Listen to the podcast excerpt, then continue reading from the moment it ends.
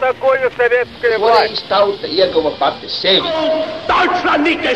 Liktenīgas nejaušības un slēptas likumsakarības, subjektīvas patiesības un objektīvi aizspriedumi. Pēc atkušņa nekad nenāk uzreiz pavasars, bet sākās Arī šodien cilvēki ir ļoti tuvredzīgi. Viņi redz to naudu, kas ir. Televīzijā jau pamatā notiek cīņa par varu. Pagātne no šodienas skatu punkta un šodienas caur pagātnes prizmu. Raidījumā šīs dienas acīm. Katru svētdienu Latvijas radio ēterā Eduards Liniņš. Labdien, cienījamie klausītāji! Pirms 75 gadiem, 1944. gada vasarā, Latvijas teritorija atkal nonāca aktīvas kara darbības zonā. Grandios sarkanās armijas uzbrukums austrumu frontē sagrāva Vācijas armiju grupu centrs, un fronte strauji vēlās uz rietumiem.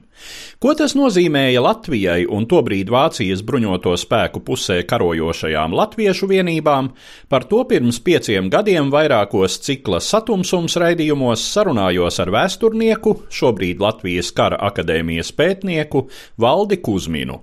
Šodien piedāvāju jūsu uzmanībai fragmentus no šīm sarunām.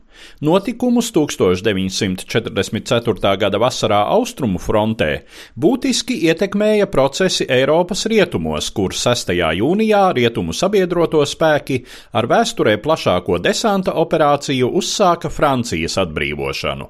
Stāsta Valdis Kusmins. 6. jūnijā notiek izsēšanās Normandijā, paiet apmēram divas nedēļas, kad ir skaidrs, ka šī izsēšanās ir sekmīga, un Staļins sāk 44. gada vasaras ofensīvu ar Baltkrievijas uzbrukuma operāciju Bagration, kas uzreiz parāda, ko nozīmē karošana divās frontēs. Ja līdz šim 44. gada aprīlī rietumu Ukrainā notiek kara darbība, tiek ielaņķis Vācijas pirmā tanku armija, ir zināmas problēmas, no rietumiem tiek pārsviestas divas tanku divīzijas, 9. un 10. Vācijas SS tanku divīzijas, kas ļauj stabilizēt šo fronti. Pēc tam šīs divas divīzijas atkal tiek pārsviestas uz rietumu frontu, bet tad, kad sākas operācija Bagration, tad spēja manevrēt ar šādām tanku divīzijām, rezerves divīzijām vāciešiem zūd kas noved pie austrumu frontes sabrukuma. Armija grupu centrs tiek pilnībā iznīcināta, ielēgta un iznīcināta Minskas apkārtnē, Baltkrievijā. Tā bija, varētu teikt, lielākā katastrofa austrumu frontē ar vislielāko ietekmi uz kara iznākumu. Otra lieta - tiek likvidēta Vācijas teritorijas pretgaisa aizsardzības sistēma, kas balstījās uz radariem, Līdz Normandijas operācijai radari vācu rīcībā ļāva konstatēt bumbuļvedēju pacelšanos, kā viņi paceļās zināmā augstumā no saviem lidlaukiem. Lielbritānijas teritorijā viņi jau redz, kur viņi paceļās, kur viņi lidos. Šie radari tiek zaudēti, līdz ar to bumbuļvedēji jau var lidot cauri Francijas teritorijai un veikt uzlidojumus Vācijā pilnīgi netraucēti, vai šis brīdinājums nāk pa vēlu, un vācu gaisa spēki vairs nav spējīgi traucēt. Otra lieta, ka vācu gaisa spēki praktiski tiek iznīcināti virs Normandijas. Normandijas operācijas rezultātā 44. gada vasarā praktiski pārtrūkst vācu sintētiskās degvielas ražošana, kur lielākoties vairāk kā 90% izmantoja vācu gaisa spēki. Līdz ar to tas nozīmē, ka vācu gaisa spēki ir spiest samazināt gan lidmašīnu lidojumu skaitu, gan arī tos gaisa spēku lidmašīnas, kuras izmanto. Piemēram, strateģiskie bumbinieki Heinkel 177, kas bija ļoti sekmīgi 44. gada pavasarī un vasaras sākumā.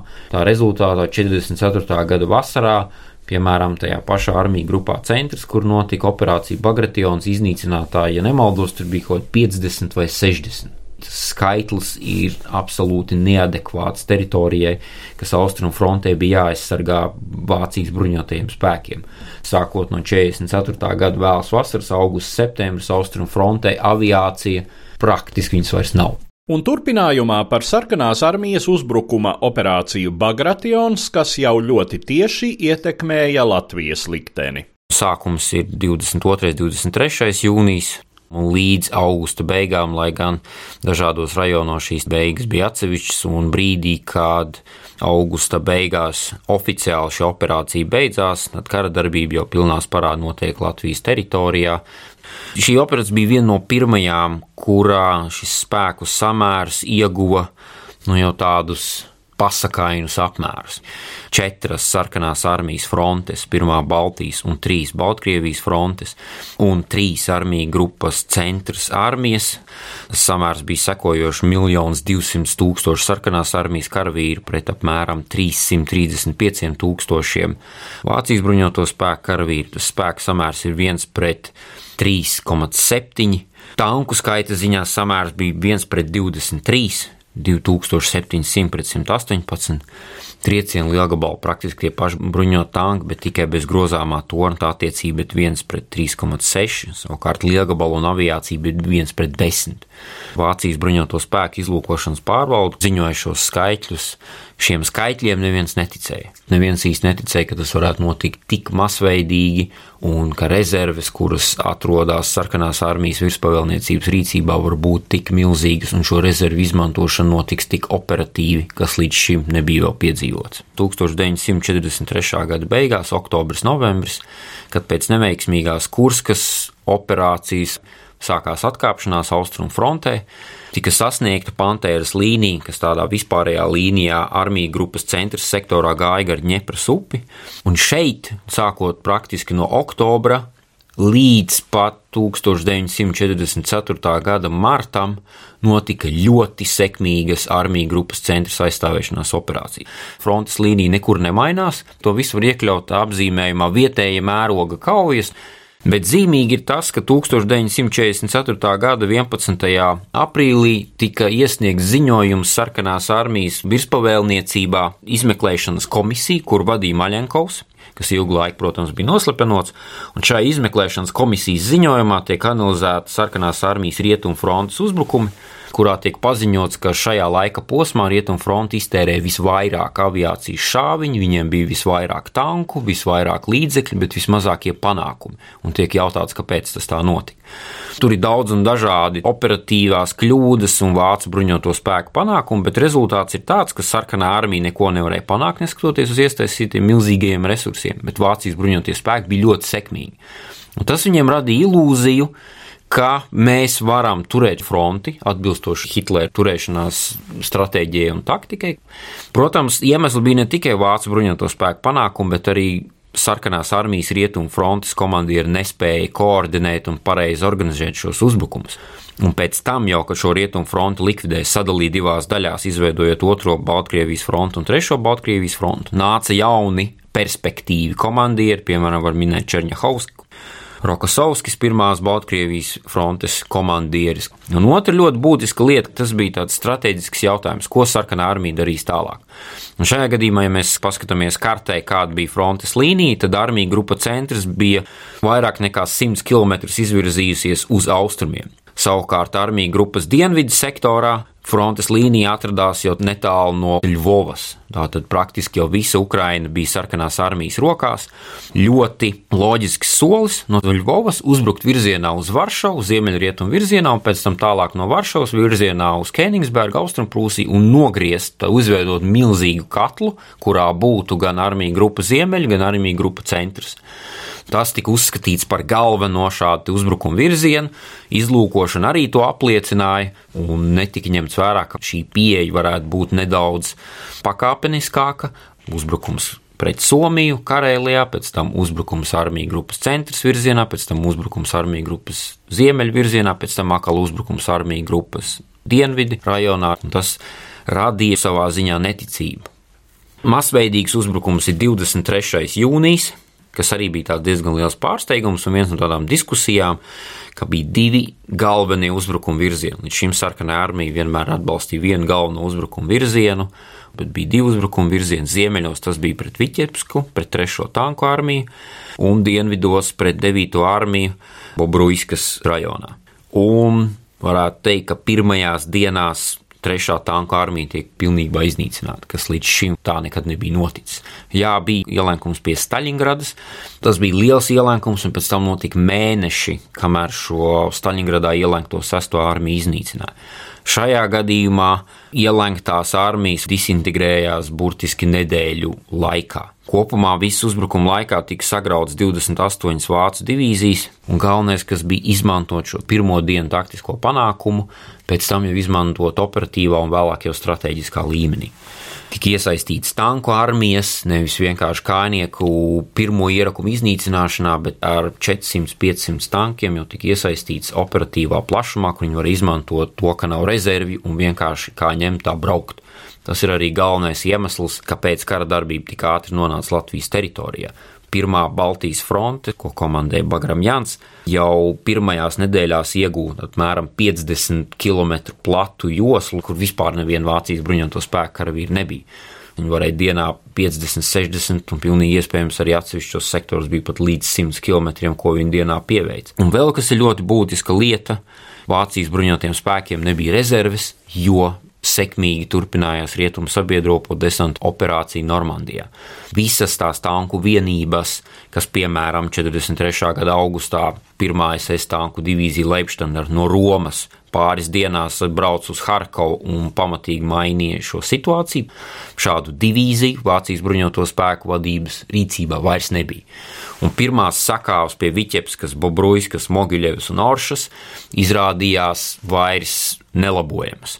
3. jūlijā jau tiek ieņemta Minska, un tiek izveidots milzīgs katls, kurā faktiski nokļūst visa 4. armija. Tajā brīdī to komandēja Kurts Tipelskis, Un jau 5. jūlijā šī 4. armija beidz pastāvēt kā organizēts spēks un sākas vairāk vai mazāk haotiski izlaušanās uz savu roku.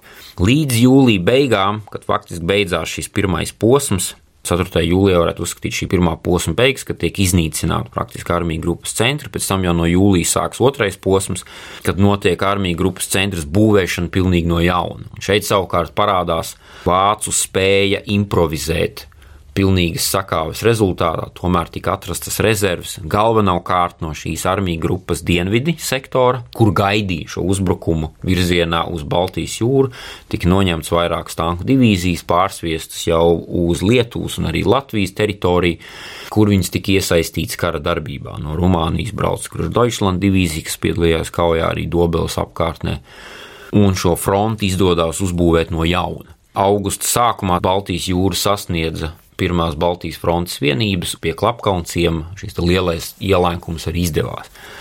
Taču neizdevās īstenot šīs armiju grupas ziemeļu iznīcināšanu. Spēku koridora noturēšanai no Jālgavas līdz Klapkalciem bija viena pusotra strēlnieku divīzijas, bija trešais mehanizētais gvardes korpus ar trijām tanku brigādēm, viena bija Tukumā, viena bija Dobeles apkārtnē izsvaidīts praktiski pa visu zemgali sarkanās armijas vienības uzbruka praktiski pretējos virzienos. Ja Baltijas fronte uzbruka no šauļiem ziemeļu virzienā uz Baltijas jūras, Rīgas jūras līci, tad trešā un otrā Baltkrievijas frontes jau uzbruka rietumu virzienā. Virzieni bija 90 grādu leņķī, un priekš visiem virzieniem spēku vairs nepietika. Latvijas teritorijā izveidojās divi tādi lieli kaujas darbības rajoni. Pirmais ir Zemgala, ar galveniem smagpunktiem pie Jelgavas, Bauskas un salīdzinoši īsta brīdi arī Rīgas jūras līča piekrastē pie Klapkalna ciemas, Lokas un arī pie Tukuma. Un otrs tāds liels rajons bija Latvijas austrumu pierobeža Latgale, Daugopils, Lūdza un nedaudz arī Latvijas ziemeļa daļa Alūksnes apkārtnē, kur kaujas darbība sākās jūlija beigās. Pirmās vienības, kas sasniedza Latvijas teritoriju, vienmēr tiek runāts, ir 18. jūlijas, kas bija otrās Baltijas frontes sektorā, Šķaunas rajonā. Un jūlijā sākumā jau tur tā ļoti grūti pateikt, kur ir tā pirmā diena. Ir pirmās Baltijas frontes kaujas darbība uz dienvidiem no Daugopils, kur notiek mēģinājumi ieņemt Daugopilu un nodrošināt šo uzbrukumu caur Sēliju, Zemgali, kaujas Zemgalē, jūlijā beigās, augusta sākumā turpinājās līdz augusta beigām, tāda pirmā Baltijas frontes sektorā, un pēc tam kaujas darbība, kas notika jūlija beigās Latgalē un Vidzemes augstienē pie Madonas un Ēriena. Lielākā karaspēka vienība, kas atradās Zemgalē, bija Latviešu leģiona 15. rezerves un apmācības brigāde kā var spriest pēc nosaukuma, galvenais šīs brigādes uzdevums bija Latvijas jauniešu mobilizācija, apmācība un rezerves vienību formēšana, kas pēc tam tika sūtītas uz Latvijas leģionu 15. un 19. divīziju, kuras tajā laikā vēl atradās Krievijas teritorijā, Bordeaux Kudeveres rajonā. Izveidojot šim Baltijas caurumam, Vācu vienības ļoti bieži izmantoja rezerves apmācības vienības, lai veidotu improvizētas kaujas grupas, kuras iesaistīja frontē. Tas pats notika arī ar šo 15. rezerves apmācības brigādi, un šī improvizācija bija, varētu teikt, daļēji sekmīga piemēram, Bauskas apkārtnē, tur tika iesaistīti arī policijas bataljoni no Bauskas brīvprātīgajiem, vietējiem aizsargiem un vienkārši brīvprātīgajiem cilvēkiem, kuriem diezgan daudziem arī vispār nebija nekāda militāra pieredze, tika saformēts Bauskas brīvprātīgu aizstāvu bataljons. Tā bija improvizācija ar ļoti neadekvātiem ieročiem. Jūlija beigās, augusta sākumā viņi bija spiest piedalīties kaujās cieta arī diezgan smagas zaudējumus, piemēram, pie jaunišķiem, kur pirmās vienības, kuras sūtīja no zemgals uztvert uzbrukošās sarkanās armijas daļas, nokļuva kaujas situācijā ar tanku vienībām. Trešais mehanizētais korpus, kurš virzījās uz priekšu, praktiski pārbrauca šiem pirmajiem improvizētajiem bataljoniem pāri. Mēs varam teikt, tas viss bija atkarīgs no katra komandiera individuālās harizmas, viņa cīnīties gribas un autoritātes karavīru vidū. Tie komandieri, kas spēj spēja to nodrošināt. Nu, Jālgavas apkārtnē, Bauskas apkārtnē ir liecības par kaujām gan pie džūkstes, gan pie blīdenes, praktiski viss caur zemgalei un dienvidu austrumu kurzemē bija aizsargi, atvaļinājumā esošie leģionāri, pusapmācīti jaunieši, kuri iesaistījās šajās kaujās un mēģināja aizkavēt sarkanās armijas virzīšanos uz priekšu niknās cīņās 31. jūlijā, 1. augustā Jālgavas pilsēta arī tiek ieņemta un, diemžēl, kļūst par to Latvijas pilsētu, kas visvairāk cieta Otrajā pasaules karā. Mēs zinām, ka no Jālgavas nav palicis praktiski nekas pāri. Galvenais iemesls bija šīs niknās cīņas aviācijas uzlidojumu. No abām pusēm, no vācu bruņoto spēku puses šai kaujās piedalījās Latviešu leģionu, gaisa bumbvedēju eskadrīļas, kuras ļoti intensīvi darbojās septiņu uzlidojumu naktī. Tas bija tāds savu veidu rekords kas, protams, tikai veicināja Jālgavas nopostīšanu. Tur nevarētu teikt, ka Krievi speciāli nodedzināja vai vācieši speciāli nodedzināja. Tā bija kaujas darbība pilsētā, Liela daļa no koku apbūves karstā vasaras laikā, protams, ļoti smagi cieta. Galvenais šeit pirmās Baltijas frontes uzdevums bija nevis Jāgaunas ieņemšana, vai, piemēram, Bauskas ieņemšana. Tie bija absolūti otršķirīgi uzdevumi. Pamat uzdevums bija ieņemt tukumu un sasniegt Baltijas jūras līci. Un šo uzdevumu īstenošanai pietrūka spēki. Viņi jau atradās kaujas darbībā no 23. jūnija. Tanki pa putekļainiem ceļiem ātri zaudē motora resursu. Baltijas jūra viņi sasniedza, bet šo izvirzījumu aizsargāt iespējas viņiem bija ļoti ierobežotas, un līdz ar to šīm improvizētajām latviešu vienībām un arī vācu vienībām, kas lēnā garā nāca klāt, tomēr izdevās pirmām kārtām jau 4. un 5. augustā mēģināt ieņemt Jāgaunu atpakaļ. Un galvenais pretrieciens, kas veicināja frontes stabilizāciju, sākās 15. un 16. augustā. Šis ir klasisks piemērs, cik spējīgas bija vācu ģenerālštāps, vācu dzelzceļa sistēmas un vācu jūras spēku funkcionēšanas spējas. 39. tanku korpus, kurš bija paredzēts kā galvenais pretuzbrukuma trieciena spēks, piemēram, 4. tanku divīzija, 9 augustā vēl atradās Varšavas piepilsētās, kur viņi bija sīvās kaujās ar sarkanās armijas tanku vienībām. Savukārt jau 16. augustā jau atradās pie Škodas un jau pie augstas priekšējās vienības jau iesaistījās kaujā. Trīs tanku divīzijas, vēlāk vēl divas tanku divīzijas kopā tika pārsviestas nepilnas nedēļas laikā. Izveidos diezgan spējīgs tanku triecienu grupējums, kurš arī sāka šo uzbrukumu 16. augustā pie paša tukuma kaujas darbībā piedalījās tāda improvizēta tanku divīzija, Grāfs von Strahvits, ļoti slavens tanku ģenerālis, kas naktī uz 20. augustu veids tādu reidu no Džukas Lestens apkārtes tukuma virzienā, un divas sarkanās armijas strēlnieku divīzijas tiek nogrieztas. Šajās kaujās vienīgo reizi Otrā pasaules kara laikā Latvijas teritorijā tieši tika izmantots jūras uguns atbalsts, Smagais kreisers Princis Eižens 20. augustā izšāva 265 smagos šāviņus tukuma apkārtnē. Šis smagais kalibrs bija ļoti iespaidīgs. Un naktī uz 21. augustu Bagrabjāns dod pavēli atkāpties šīm divām strēlnieku divīzijām, īsts koridors sauszemes satiksmē tiek atkal nodrošināts, grandiozais armiju grupas ziemeļa ielēkums netiek sasniegts, un faktiski līdz pat septembra vidum šajā rajonā frontes līnija ir nostabilizējusies. No Bauskas, tad gar Lielupes upi līdz Jelgavai, Jālgavas rietumu daļa, Lielupas rietumu krastā atrodas sarkanās armijas rīcībā, Jālgavas daļa, kas atrodas Lielupes austrumu krastā, vācu bruņoto spēku kontrolēta. Pēc tam gar Lielupi virzās līdz pat Kaunciemām un ir ļoti šaurs sektors kas atrodas ārpus uguns kontakta, ir jūrmāla pie slokas, ar kuru satiksmi var notikt. Kā šo kauju rezultātā izvērtās divu ieroču SS latviešu divīziju, kuras tradicionāli dēvējam par latviešu leģionu, liktenis? 10. jūlijā abas šīs latviešu divīzijas bija vis tālāk uz austrumiem izvirzītās vācu bruņoto spēku vienības. Un situācija, kad armija grupu centrs bija pilnīgi iznīcināta, bija paredzēta atkāpšanās, atkāpšanās līdz Opočkai, tas būtu nepilni 100 km. Un 10. jūlijas, manuprāt, to varētu saukt par vismelnāko latviešu leģionu dienu. Kāda sekojošās atkāpšanās rezultātā abas divīzijas praktiski tiek iznīcinātas. Divīzijas, kā centralizēti vadītas karaspēku vienības, pārstāja eksistēt. Cik var spriest pēc dokumentiem, kas ir saglabājušies 15. divīzijas kaujas dienas grāmatas un arī nu, augstāk stāvošo štābu vienībām. Armija grupas ziemeļa vadība neticēja, ka šajā sektorā sarkanā armija varētu sākt aktīvu kara darbību. Tātad izlūkošana dažādu iemeslu dēļ nogulēja šo otrās Baltijas frontes pārgrupēšanos, un armijas ģenerāļa Rjomenko otrās Baltijas frontes uzbrukums bija absolūts pārsteigums. Atkāpšanās sākās naktī no 10. uz 11. jūliju, un atkāpšanos plānoja sekt 19. divīzijas sektorā četri kājnieku bataljoni. Tajā pašā laikā uzbrukumā devās praktiski visa 10. gvardas armija. Tas bija milzīgs ceļa rullis, kas vienkārši pārvēlās latviešu vienībām, faktiski pārbrauc pāri. Automātiski sākās panika, un tālākais bija atkarīgs no katra individuāla komandiera autoritātes, drosmes, taktiskās izpratnes un kā nu kurai vienībai paveicās. Tas pats notika arī 15. divīzijas sektorā. Ja mēs skatāmies 15. divīzijas kaujas dienas grāmatā, tad uh, vairākas nedēļas no 14. jūlija līdz jūlija beigām divīzijas štābam nav ko rakstīt. Viņam nav ne mazākās informācijas, kur atrodas atsevišķi pulki, vienības.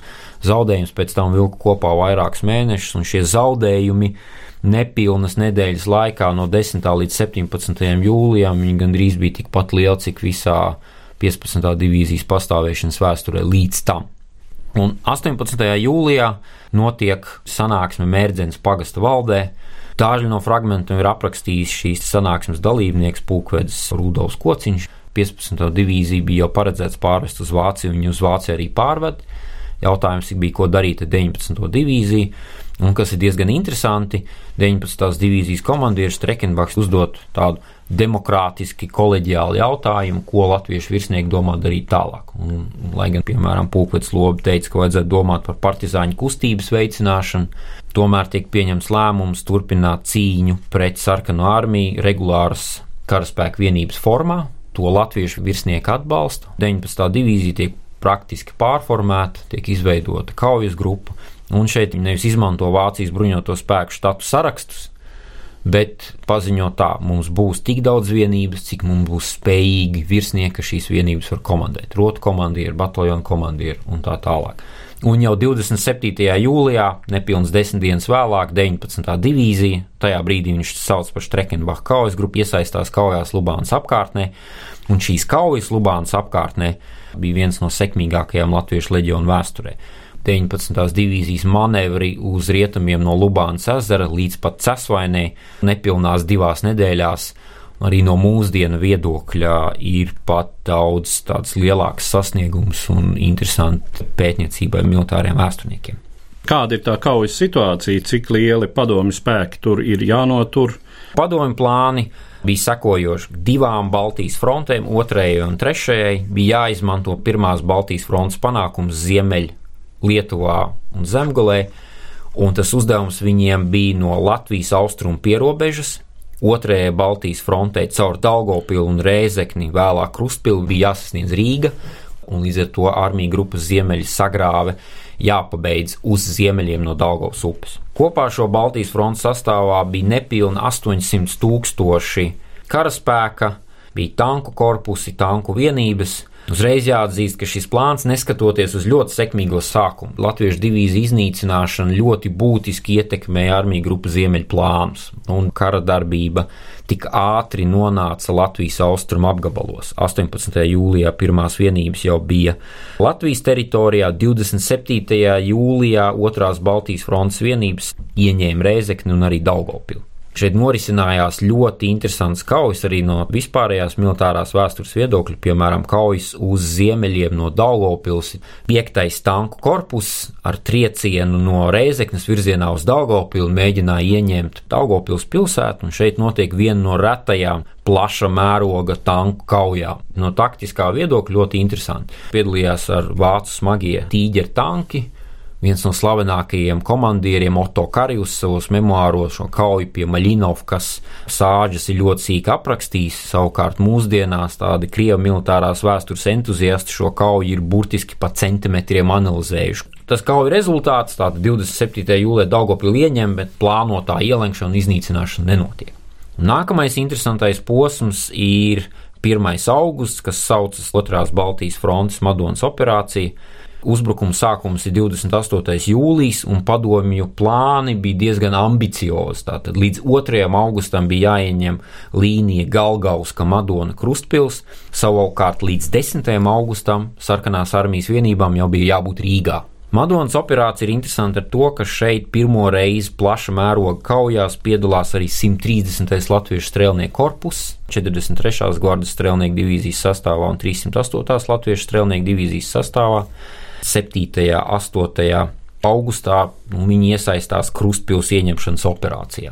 Galvenais iemesls, kādēļ Madonas operācija nesasniedz, bija atkal vācu improvizācijas spējas, un, kā jau es minēju, 19. divīzija, jeb Strekenbacha kaujas grupas sastāva ziņā bija trīs reizes mazāka, kā viņi bija 10. jūlijā, bet kaujas spējas, varētu teikt, bija trīs reizes lielāka. Bija pieredzējuši virsnieki, karot griboši, kaujās pieredzējuši un bija daudz sekmīgāk arī viena no tādām retajām klasiskajām vācu ielenkuma kaujām, kad sarkanās armijas vienība, kas izlaužās tālu uz priekšu, pretuzbrukuma rezultātā no divām pusēm tiek ielenkta, atrodas ielenkumā, un pēc tam tur lēnā garā vai iznīcina vai izlaužās. Tik iesaistīta arī aviācija, slavenie štukas bumvedēji, 500 uzlidojumu dienā tika veikti, un no šī piektā tāna korpusa nekas arī nepalika pāri. Tā ir tāda interesanta detaļa, ka tā laika vācu presē propagandas nolūkos ērgļu kauja arī stipri aprakstīta. Redzam, sašautie tanki, pamestie tanki gan ērgļu ielās, gan ērgļu pievārtē. Un kauju rezultātā otrā Baltijas fronte praktiski nosiņo. Kustīgā kara principus vācieši spējīgi izmantot daudz prasmīgāk nekā sarkanās armijas vienības, neskatoties uz šiem pārsteidzošiem panākumiem mēnesi atpakaļ jūnija beigās Baltkrievijā. Cik šis sarkanās armijas uzbrukums un frontes ienākšana Latvijā ir šeit paredzēta? Tas nāca absolūti negaidīti. Nekādi priekšdarbi Latvijas teritorijas aizsardzībai, vai vismaz Latvijas teritorijas evakuācijai, vai civiliedzīvotāju aizsardzībai netika veikti. Vēsturnieks Kārls Kangers diezgan plaši aprakstījis, kādi bija Vācijas okupācijas varas plāni un kā šie plāni tika īstenoti piemēram, Latvijas policijas darbinieku un viņa ģimenes locekļu evakuācija. Un praktiski nekādā veidā nenotika. Nebija ne rūpniecības evakuācijas, nebija civiliedzīvotāja evakuācijas, ja tāda arī notika, organizēta. Tā bija vietējo komandieru improvizācija. Kara muzejā ir 15. artērijas pūka komandieru pavēle, kur viņš vienkārši pats uz savu galvu pavēlu veikt vairāku pagastu iedzīvotāju evakuāciju. Protams, ja kara darbība gaidīta, to gaidīja Latvijas austrumu reģionos. Šajā gadījumā runa būtu par Latvijas pierobežu, kur jau kopš 42. gada beigām Latviešu policijas vienības piedalījās sīvās kaujās ar sarkaniem partizāniem. Brīžiem cīņas uz robežas bija daudz intensīvākas nekā cīņas frontē, vairākus simtus kilometrus uz austrumiem bet pierobeža pati pa sevi nebija gluži piemērota plaša mēroga militārām operācijām. Un šī pretestība Latvijas austrumu pierobežā varēja būt daudz sekmīgāka. Bet, ja mēs runājam par pārējo Latvijas daļu, tas bija ļoti negaidīti, un savā ziņā arī tas izraisīja brīvprātīgo pieplūdumu arī Latvijas leģionu vienībās. Pulkvedis Kārs Lobi izplatīja savu uzaicinājumu, ir liecības pār aizsargiem, kas brīvprātīgi piesakās un iestājās, piemēram, Latvijas leģionā, tajā pašā izlūku bataljonā, kā viņi sauc Laumeņu bataljonā. Ir zināmas vienības, kas ir no viena pagasta aizsargiem sastāvošas, kas cilvēki saprot, ka kara darbība nonākusi Latvijā, un lai kāda būtu viņa attieksme pret vācu okupācijas iestādēm, vispār, un Latviešu leģionu konkrēti ļoti daudzi bija ar mieru šajās vienībās iestāties. Un, protams, tas lielākais trieciens bija bēgļu gaitas, kurās devās simtiem tūkstošu Latvijas iedzīvotāju caur vidzemi uz Rīgu un tālāk uz kurzemi, no kuriem daļa pēc tam 44. gada beigām ar kuģiem tika izvesta jau uz Vācijas teritoriju. Simtiem tūkstošu Latvijas iedzīvotāju zaudēšanu, kas tā arī neatgriezās Latvijā pēc karadarbības beigām. Jūs dzirdējāt fragmentus no vairākiem pirms pieciem gadiem izskanējušajiem cikla satumsums raidījumiem, kuros par militārajām norisēm Latvijā 1944. gada vasarā stāstīja vēsturnieks, šobrīd Latvijas kara akadēmijas pētnieks Valdis Kusmins. Uz redzēšanos, cienījamie klausītāji! Katru svētdienu Latvijas radio viens par pagātni sarunājas Eduards Liniņš.